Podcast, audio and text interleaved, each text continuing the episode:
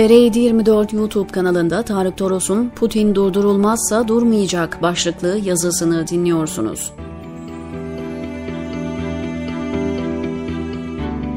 Hatırı sayılır Rusya uzmanlarının dahi ihtimal vermediği bir şey oldu ve Rusya Ukrayna'yı işgal etti.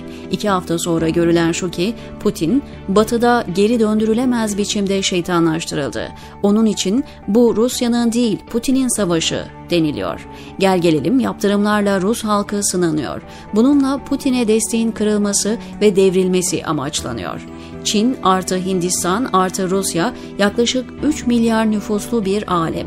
ABD artı AB artı İngiltere artı Kanada toplasan 1 milyar nüfus anca. Tabii olay insan kalabalığıyla bitmiyor. Batı'nın yaptırımlarına karşı koyacak gücünüz, alternatif kaynaklarınız olacak. Ayrıca hem Batı'ya kafa tutup hem de çocuklarınızı okutmak için oraya yollayıp paraları oraya taşımakla, mali mülk edinmekle dürüstlük sınavından çakıyorsunuz.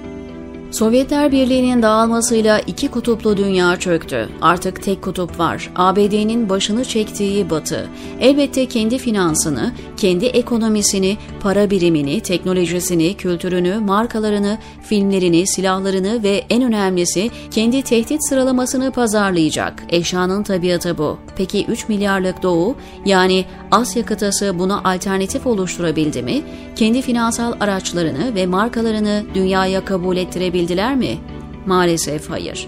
Bugün dünya ekonomisi dolar üzerinden yorumlanıyorsa Amerika'nın ne işi var burada diye sormadan önce bunu neden değiştiremediğinizi sorgulayacaksınız. Rusların eskiden Lada'sı vardı 30 yıl sonra dolaşımdaki araçlara bakın batı markaları. Vodka dışında Rus ürünü var mı? Düşünün bulamayacaksınız. Dönelim işgale. Görüldü ve görülüyor ki Putin Ukrayna tarafsız kalacağım, NATO'yu istemiyorum dese neo-nazileri bahane edip gidecekti. O olmasa Ukrayna'da biyolojik ve kimyasal silah üretiliyor der, yine girerdi. Kremlin sözcüleri son günlerde bu tezi işliyor. Ezbere söylemiyorum. Bölgesel ve küresel ölçekte savaşın büyümesi ve olası senaryolar endişe verici. Batı medyası savaşın vurduğu kentlerdeki yaşam mücadelesi ve sınır boylarındaki sığınmacı öykülerinden geçilmiyor.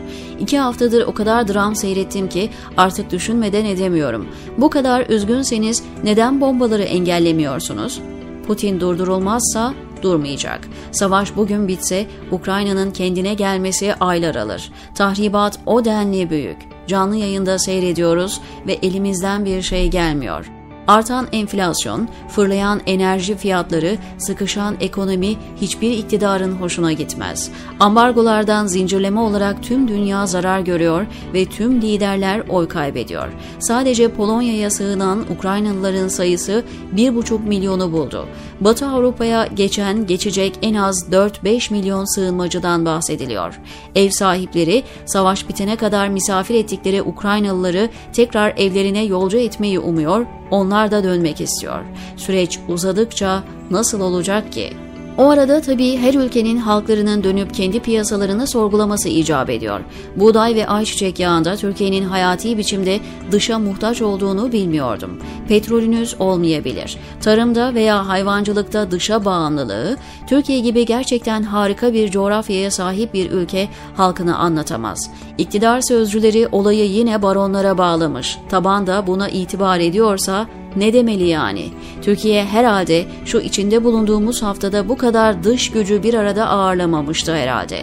İsrail, Ermenistan, Yunanistan ve Almanya. Vatandaş faturaları nasıl ödeyeceğini düşünürken Erdoğan yeni dünya düzeninde koltuk kapmaya çalışıyor. Sahi Kemal Kılıçdaroğlu elektrik faturasını ödeyemiyorum kampanyası başlatmıştı.